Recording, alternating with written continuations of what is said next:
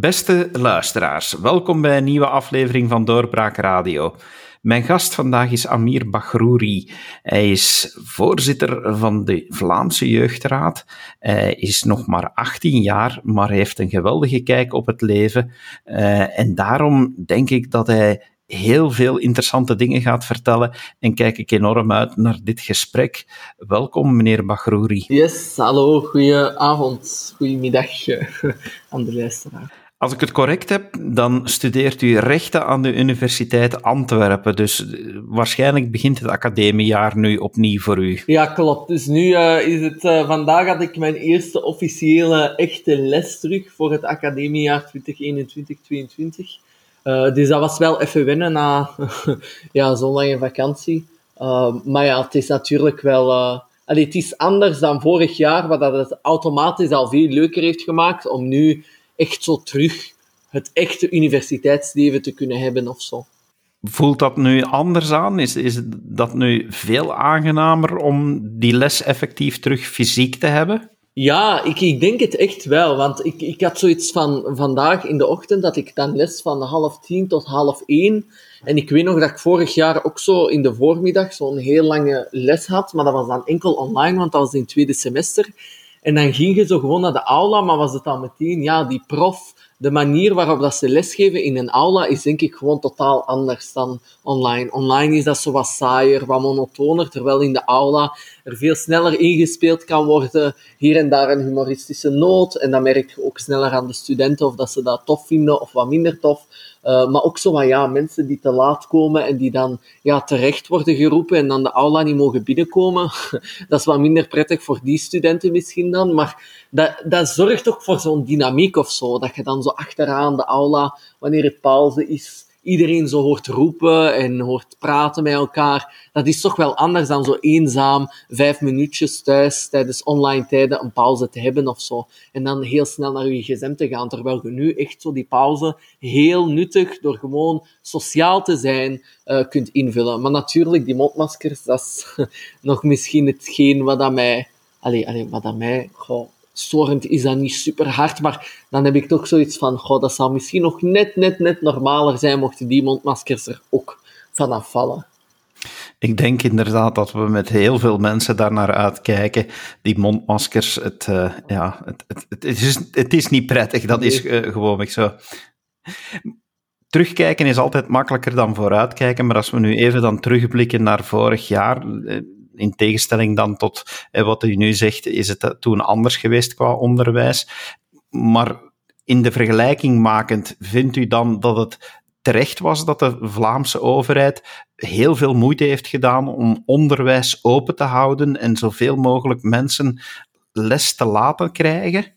Oh ja, absoluut. Ik denk dat dat echt wel een van de, allez, de lichtpunten was of zo in zo'n donkere tijd, dat je toch wel zag van iedereen was het er, allee, vriend en vijand, waren toen over eens dat het onderwijs gewoon, allee, ondanks de virologen dan, want ja, die vonden meestal alles, uh, dat alles op slot moest, maar dat het wel heel goed was, allee, dat het onderwijs quasi altijd open is gebleven. Dan vooral in het middelbaar, vorig jaar, uh, of vorig schooljaar beter. Dat heeft denk ik echt wel heel veel miserie of zo uh, bespaard of zo omdat je echt gewoon, allee, in Antwerpen bijvoorbeeld, ik kom zelf ook uit Antwerpen, 30% ongeveer van de jongeren die in het middelbaar onderwijs zaten, werden in de eerste lockdown in 2020 niet bereikt door het afstandsonderwijs. Die jongeren hadden geen computerscherm, die hadden geen stabiele internetverbinding. Die jongeren waren ook heel vaak heel kwetsbaar, dus hadden heel veel nood aan die sociale contacten met hun medeleerlingen, maar ook met de leerkrachten. Uh, omdat dat ook gewoon een vorm was van, ja, thuis uzelf niet kunnen zijn, uh, door bijvoorbeeld armoede, uh, en ook de beperking van die publieke ruimte. En dan had je op school wel een speelplaats, wel uw medeleerlingen, waarmee dat je gewoon eens even kon klappen en even in de rush van het leven tot even een stilstand te komen of zo. En dat heb ik gewoon, dat is gewoon denk ik heel belangrijk geweest om dat zo lang mogelijk te vrijwaren. Want anders denk ik echt, ja, die impact die gaat je niet van de een op de andere dag of zo kunnen opmerken, maar op de lange termijn zult je echt wel gezien hebben, denk ik, dat die leerachterstand gewoon ja, onmetelijk hoog zal zijn, waardoor dat we eigenlijk met die dalende onderwijskwaliteit eigenlijk niks meer... Ja, allee, dan was het denk ik echt wel verloren spel of zo. Ehm, dus dat is denk ik echt heel belangrijk geweest dat het onderwijs open is gebleven, omdat het gewoon, ja, op een zeker moment waar de jeugdwerkingen ook, ja, mochten die ook niet meer uh, volgens de normale protocollen hun werkingen organiseren. En dan had je natuurlijk wel school. Uh, maar ja, daar is natuurlijk ook LO-onderwijs, dus je hebt ook twee uur in de week sport en al die zaken. Dus dat zorgde er denk ik wel voor dat het voor veel leerlingen toch allemaal wat behapbaar bleef. En op een 13, 14-jarige leeftijd, ja, je leven moet gewoon zo normaal mogelijk zijn. En je moet zo min mogelijk last ondervinden van corona. Dus dat was wel goed om te zien, denk ik, ja. U bent uh, op een leeftijd waar onderwijs natuurlijk iets is dat u helemaal omringt.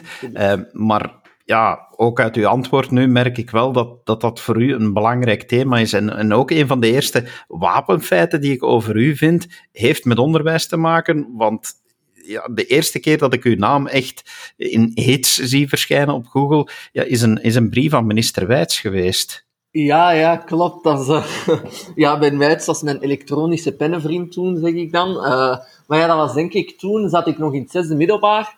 Uh, en had ik toen, ja, was ik in mijn pen gekropen om een stuk te schrijven over de organisatie van de eindexamens. Omdat ik zoiets had van, ja, het waren heel abnormale tijden, maar men wilde wel examens in een zo normaal mogelijke omstandigheid of zo laten organiseren. Terwijl je toen wel merkte, heel veel jongeren, want ik zat in Antwerpen op een school, uh, waar dat je gewoon jongeren had die het echt moeilijk hadden, die echt in een kwetsbare situatie leefden, en die gewoon, ja, met die achterstand gewoon niet meer wisten waaraan en waaraf. En dan was het voor mij wel belangrijk, dacht ik, om dat signaal eens uit te sturen van, ah wel, misschien, ja, die examens, dat we ze niet gaan hebben, ja, dat was misschien veel te idealistisch van mij toen. Uh, omdat ik achteraf ook zoiets had van, we hebben een aantal examens kunnen hebben en dat was misschien toch goed om nog eens te kunnen peilen naar hetgeen we hebben geleerd die afgelopen maanden toen. Uh, maar het was wel zoiets van, ja, ik voelde gewoon dat het beleid ons in de steek liet of zo. Er werd niet gesproken met de leerlingen, met de jongeren in het algemeen, maar het was altijd zoiets van dicteren wat dat de jongeren zullen moeten doen, maar nooit vragen van zeg, hoe gaat het echt met u? En zeg eens hoe dat het echt, echt, echt met u gaat, want we merken dat gewoon aan die mentale cijfers toen, allee, de cijfers over het mentaal welzijn en over die jongeren die dan niet meer bereikt werden, dat dat gewoon torenhoog was. En dan is het in mijn ogen heel moeilijk om te kunnen zeggen dat het onderwijs gaat doen alsof dat de normaalste zaak van de wereld is en dan gewoon die eindexamens gaat organiseren alsof dat er geen pandemie was die onze levens op zijn kop heeft gezet. Maar achteraf gezien ben ik wel blij geweest dat we toch nog iets van examens toen hebben kunnen hebben, want we zijn dan met de directie uh, ja, gaan uh, discussiëren en een echt compromis à la Belge uh, geprobeerd uit te werken, waarbij dat we toch een groot deel van de bijvakken niet hebben moeten afleggen als examen. Maar de hoofdvakken hebben we dan wel moeten doen. Maar dat was denk ik ook gewoon ja, de enige mogelijkheid of zo om het behapbaar voor iedereen te houden. Uh, en uiteindelijk is iedereen van ons jaar geslaagd geweest. Dus dat ik zoiets van, ja, zie dat het toch uh, wel kan als je inspraak ook toelaat van jongeren, maar dan moet het echt participatief zijn. En dat was wel voor mij iets van, oké, die brief, ik heb niet oh, die eindexamens of zo, ja, dat was heel lokaal op mijn eigen school. Maar ik heb uiteindelijk wel de kans gehad om met onze directie, ouderenraad, leerlingenraad enzovoort een serieus gesprek te hebben over hoe kunnen wij dit schooljaar op een zo goed mogelijk ja, goede mogelijke manier of een, kunnen laten eindigen. Hè? Dat we echt alle jongeren meekrijgen. En dat was voor mij wel belangrijk. Ja. U ademt duidelijk engagement uit. Uh, u bent nog niet eens een jaar lid van de Vlaamse Jeugdraad en dan nu al voorzitter. Van waar die gedrevenheid? Oh, gedrevenheid. Ik vind het altijd zo moeilijk om dat zo te pinpointen. Van vandaag tot twee jaar geleden of zo was er dat feit dat mij ineens het vuur in mij heeft aangewakkerd of zo. Dat niet echt. Maar het is denk ik gewoon een samenraapsel van ja, naar de jeugdwerking gaan in onze eigen lokale buurt. Uh, maar ook gewoon van in het onderwijs zo kritisch mogelijk proberen te zijn en blijven. En vanuit die ingesteldheid ook gewoon durven zeggen wanneer dat het niet oké is. Of gewoon wanneer dat het niet meer is zoals dat ik het wil zien. En dat heb ik wel heel vroeg geleerd, van geen blad voor de mond te nemen. En gewoon, ja, als het mij niet aanstaat, ja, dan zal ik het wel proberen op een zo goede en respectvolle manier proberen over te brengen. Um, maar dat is denk ik voor mij wel altijd cruciaal geweest. Van ja, ik heb uiteindelijk wel een stem gekregen. Um, en als mensen niet willen luisteren, ja, dan is de bedoeling om die te verheffen en ervoor te zorgen dat ze wel luisteren.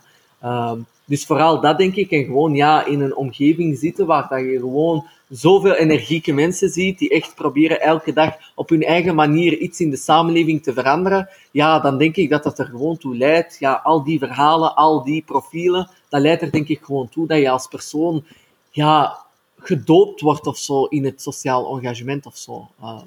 Ja, uh, uh. Wat vindt u nu als voorzitter de belangrijkste taak of takenpakket voor de jeugdraad? Hoe, hoe, ziet u, ja, hoe ziet u zelf de taak van de jeugdraad? Goh, ik denk dat we vooral ja, als adviesorgaan van de Vlaamse regering vooral onze adviezen zo kwaliteitsvol mogelijk moeten kunnen brengen. Uh, en dat we dat altijd op een heel onafhankelijke, genuanceerde manier moeten doen. En dan vooral de thema's die jongeren echt aanbelangen. Hè. Dat gaat van klimaat uh, vandaag tot ook ja, uh, inclusiviteit, maar ook integratie. Hoe vullen we dat in in een superdiverse samenleving? maar langs de andere kant ook ja, het mentaal welzijn dat door corona steeds meer naar de oppervlakte is gekomen. Hoe kunnen we al die zaken een beetje inpassen in een coherent, mooi advies? En zeker omdat jongeren vandaag veel minder participeren op de traditionele manier. Jongeren gaan niet meer actief een partijkaart aanschaffen, gaan zich niet meer zo snel bij de vakbond uh, aansluiten, gaan ook niet meer denken in die verzuilde ideologieën of zo, maar gaan vooral proberen alles open te breken en te zien van, ah wel, dat is iets waar ik achter sta. En wie dat de boodschapper of ideologie ook mogen zijn, goh, dat maakt mij niet uit, maar het is vooral het kern van het idee dat mij aanstaat. En daar wil ik voor vechten. En dat zie je vandaag gewoon, dat heel veel jongeren hun geloof of zo kwijt zijn geraakt in ja, de politiek as such. Uh, maar dat wij als Vlaams Jeugdraad, denk ik, daarin ook een taak hebben van jongeren vooral het gevoel te geven mee te tellen in deze samenleving. En dat als jongeren zich niet gaan laten ja, meeslepen of zo door al die uh, politieke spelletjes of zo, maar vooral naar de essentie van de zaak gaan van wat wil ik voor deze wereld betekenen en wat kan deze wereld voor mij persoonlijk betekenen dat je op die manier echt wel je stem moet laten horen. En vandaag gebeurt dat al door zoveel jongeren, maar jongeren verliezen wel steeds meer het vertrouwen in die politiek, in die instellingen. En dat is iets wat dat ons wel, denk ik, ja, aanbelangt in de zin van lokale participatie en democratie gewoon te versterken. U zegt daar iets zeer terecht en opmerkelijk. Eh, jongeren schrijven zich niet meer in nou, voor een partijlidkaart en in de traditionele manieren. Het geloof in de politiek is verdwenen. Maar, en dan is het misschien maar een nuance, maar is de interesse in politiek en wat de overheid doet bij jongeren verdwenen volgens u? Ik zou zeggen dat dat misschien vandaag meer dan ooit leeft of zo. Uh, want als je met jongeren spreekt vandaag, bijvoorbeeld over een klimaatbeleid, uh, dan hebben alle jongeren daar vandaag een mening over. Terwijl ik kan begrijpen dat dat 20 jaar voor een 16-jarige misschien ja, een fait was en zoiets van, goh, ja, het klimaatbeleid naast al die andere thema's, goh, tussen de soep en de patatten vind ik daar dit of dat van, of ik heb daar gewoon geen mening over. Maar vandaag hebben jongeren wel over alles eigenlijk zo wat een mening. Uh, en die mening proberen ze dan ook heel snel te laten horen, uh, maar ook veel directer of zo. Veel minder gelovend in, ja, het trage uh, consensusmodel of zo, waarbij dat je ja, telkens twee stappen vooruit moet zetten om er dan drie terug achteruit te zetten.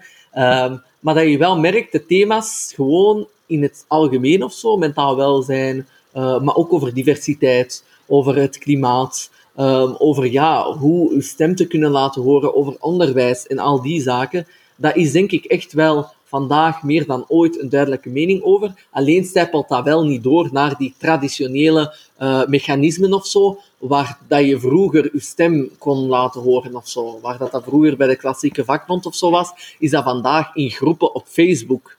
Dus dat is zo wat hetgeen wat dat heel hard verschoven is of zo.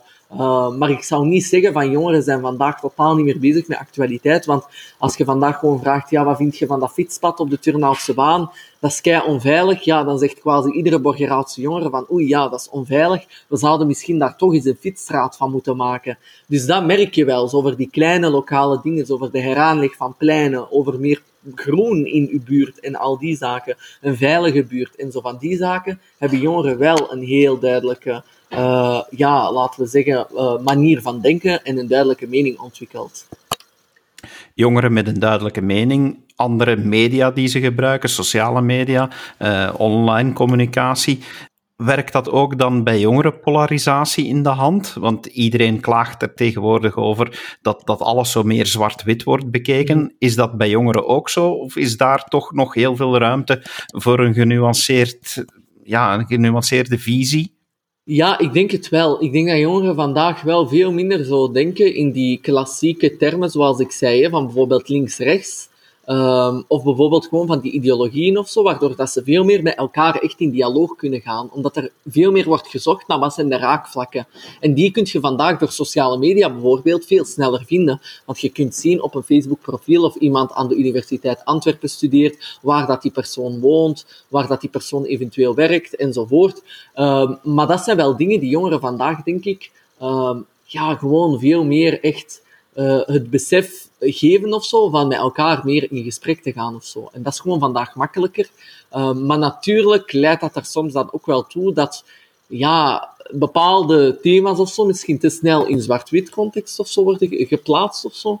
Uh, maar ik heb zo vaak niet dat gevoel, want ik heb wel vaak het gevoel dat er een heel genuanceerde visie is over heel wat thema's. Uh, maar ja, sommige dingen, ja, dat zij soms wat zwart-witter zijn of zo, ja, be denk ik dan. Hè. Maar ik denk wel dat jongeren vandaag echt zoiets hebben van laten we elkaar vinden in de verschillen, die verschillen overstijgen en die dan vooral omarmen. Uh, dus ik, ik heb niet zo het gevoel dat alles nog zo wordt gedacht in pro-contra, maar eerder van ja, jij bent misschien pro en jij contra. En ondanks dat we dat niet consensus willen noemen, want dat is geen sexy begrip, dat is niet mooi, dat is niet meer hip, dat is niet meer van deze tijd of zo. Uh, wel gewoon respect of zo. Uh, en in die uh, middenweg of zo, om het zo maar te zeggen, van ja, jij zegt A, ik B, zoeken naar wat C is. Uh, of AB. en dat, merk ik vandaag wel meer. Ja. Op welke thema's moet er meer ingezet worden? Ik ga de vraag misschien anders stellen. Ik maak u nu minister in de Vlaamse regering. Welke portefeuilles zou u graag willen beheren?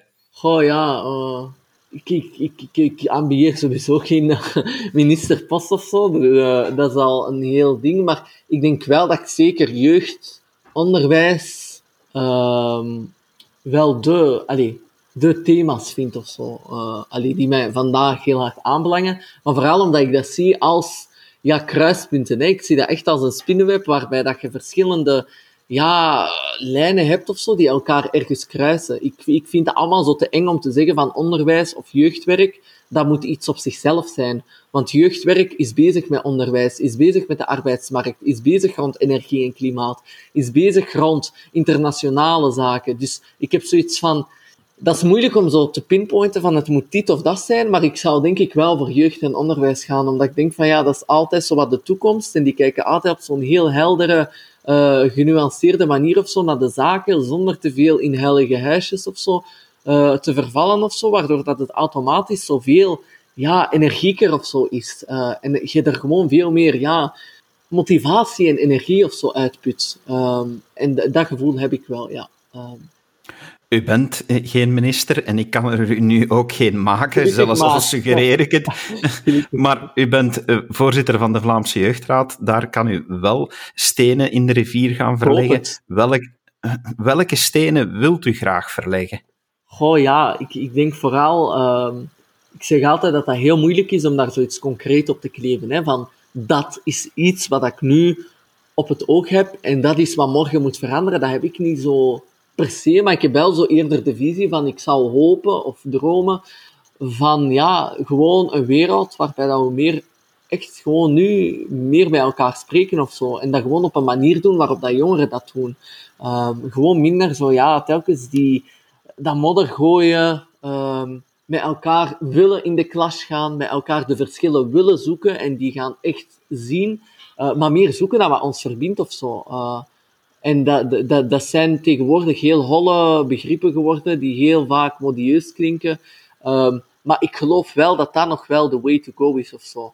Um, omdat je gewoon het niet meer kunt permitteren of zo om stil te staan. En dan betekent dat voor mij vandaag heel hard proberen jongeren als groep ook duidelijk aan de samenleving voor te stellen als een diverse groep met verschillende meningen, die vaak misschien niet 100% eens zijn over zaken, en maar goed ook, maar wel een groep die iets te zeggen heeft. En niet die verwende jeugd, of die jeugd van tegenwoordig die maar niks meer kan en over alles klaagt en zaagt.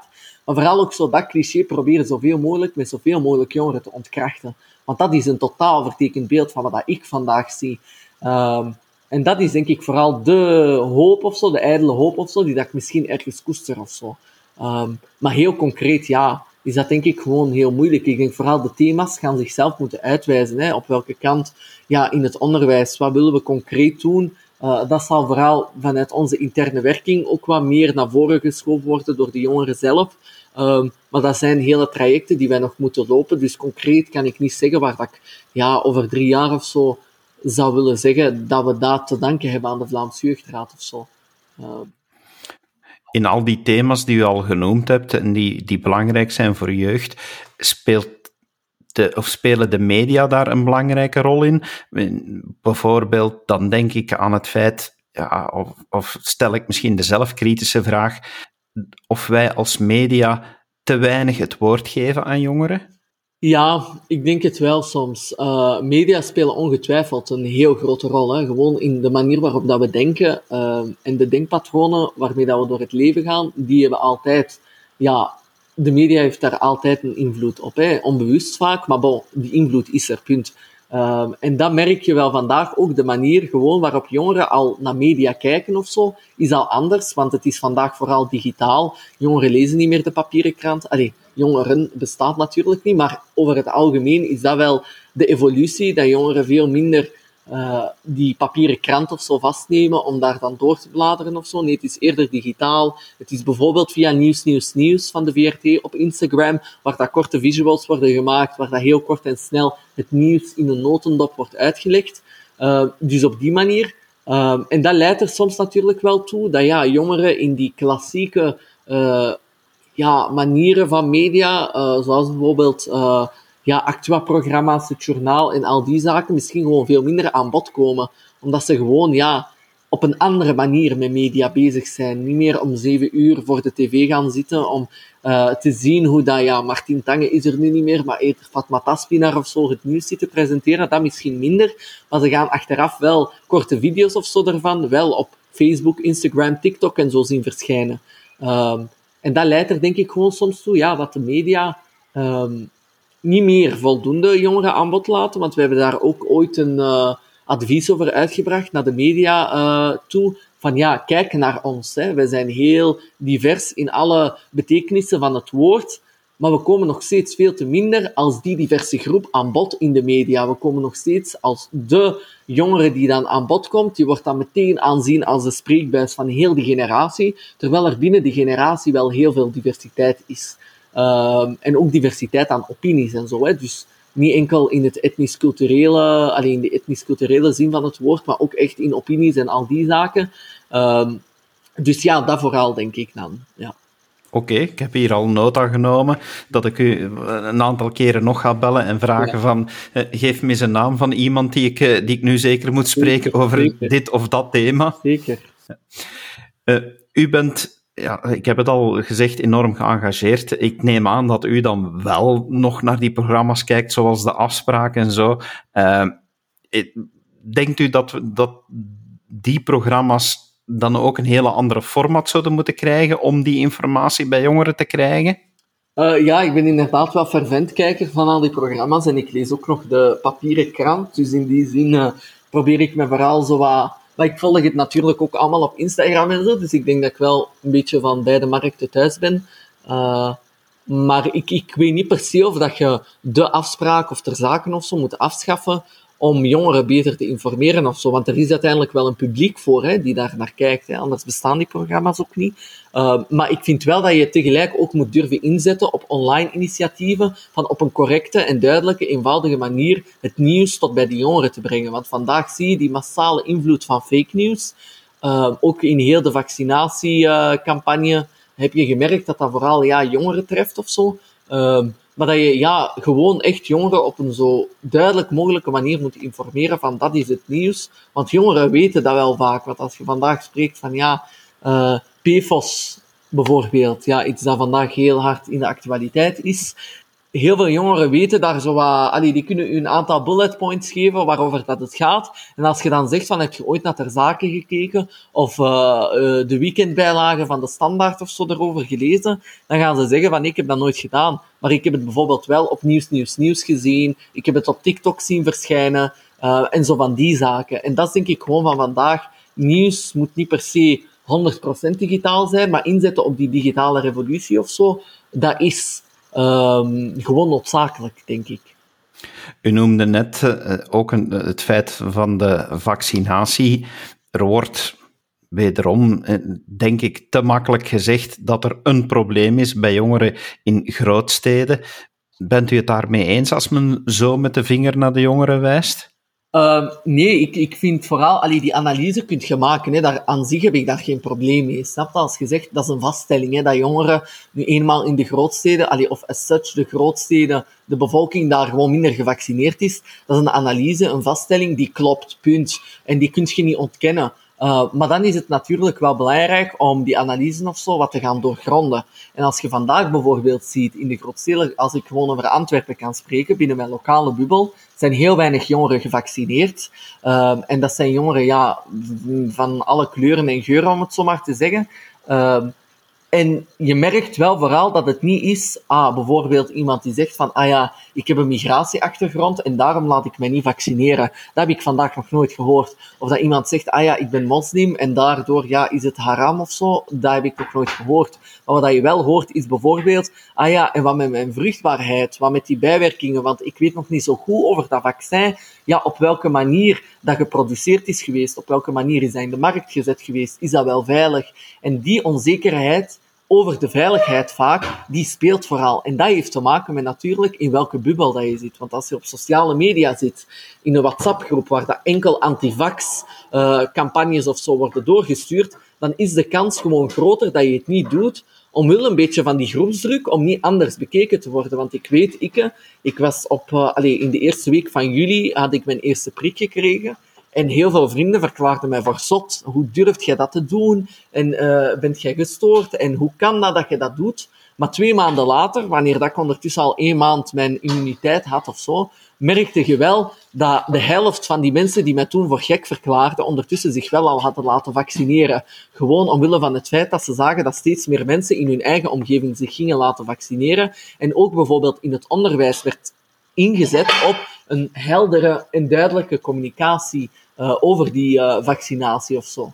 Uh, dus dat merkte ik wel vooral. Maar het is niet zo, denk ik, dat je kunt zeggen van, ah ja, jongeren, god, die zijn egoïstisch en dat is de reden dat ze zich niet willen laten vaccineren. Dat is denk ik gewoon kwatsch een belangrijke taak dus om, te zorgen dat er op een correcte manier uh, gecommuniceerd wordt met jongeren, op de manier, op de plaatsen waar zij bereikbaar zijn, uh, is inderdaad wat ik daaruit leer. Uh, nu nog even terug om, om u beter te leren kennen. Ehm, bent u op dit moment ja, en ik denk dat ik het antwoord al ga weten van, van de andere antwoorden die ik heb horen geven. Maar bent u op dit moment een rolmodel voor, uh, voor uw collega-jongeren? Nee, ik zie mij niet zo. Uh, ik, ik vind rolmodellen heel belangrijk, maar ik geloof dat iedereen een rolmodel kan zijn. Uh, natuurlijk is er een... Allez, ik zeg altijd van degene, de mensen naar wie ik opkijk, goh ja, dat zijn heel lokale mensen. Dat gaat van uh, familieleden, uh, van mijn moeder tot de lokale jeugdwerker, uh, tot de leerkracht die in het middelbaar zo'n interessante uiteenzetting gaf over de algemene economie ja, tot gewoon vrienden in mijn lokale, allee, in mijn lokale bubbel of zo, die daar heel uh, ja, getalenteerd zijn of op een eigen manier iets proberen te doen. Uh, maar ik vind zo mijzelf een rolmodel noemen, dat zou ik niet doen of zeggen, omdat ik mij dat zelf ook niet vind en ook niet in dat keurslijf of zo. Allee, ik vind dat zo'n keurslijf of zo, waar dat je dan ingedwongen wordt of zo om daarin te zitten. Terwijl zo ik iets heb van iedereen heeft de capaciteit om een rolmodel te zijn, maar ieder heeft dat wel op zijn eigen manier. Uh, dus dat vooral, denk ik dan. Ja. Meneer Bagrouri, u bent duidelijk een gemotiveerde jongere. U hebt uh, heel veel zaken vernoemd die mij doen inzien dat het, uh, dat het niet zomaar evident is om jongeren als een homogene groep weg te zetten. Dus hartelijk dank dat u de tijd hebt genomen om dit allemaal even toe te lichten in onze podcast. En we zullen elkaar zeker nog spreken. En u, beste luisteraar, dank u wel dat u geluisterd hebt en graag tot een volgende keer. Dag. Dit was een episode van Doorbraak Radio, de podcast van doorbraak.be. Volg onze podcast op doorbraak.be/slash radio of via Apple Podcasts, Overcast of Spotify. Bezoek ook onze website op doorbraak.be en steun ons door een vriend te worden van Doorbraak.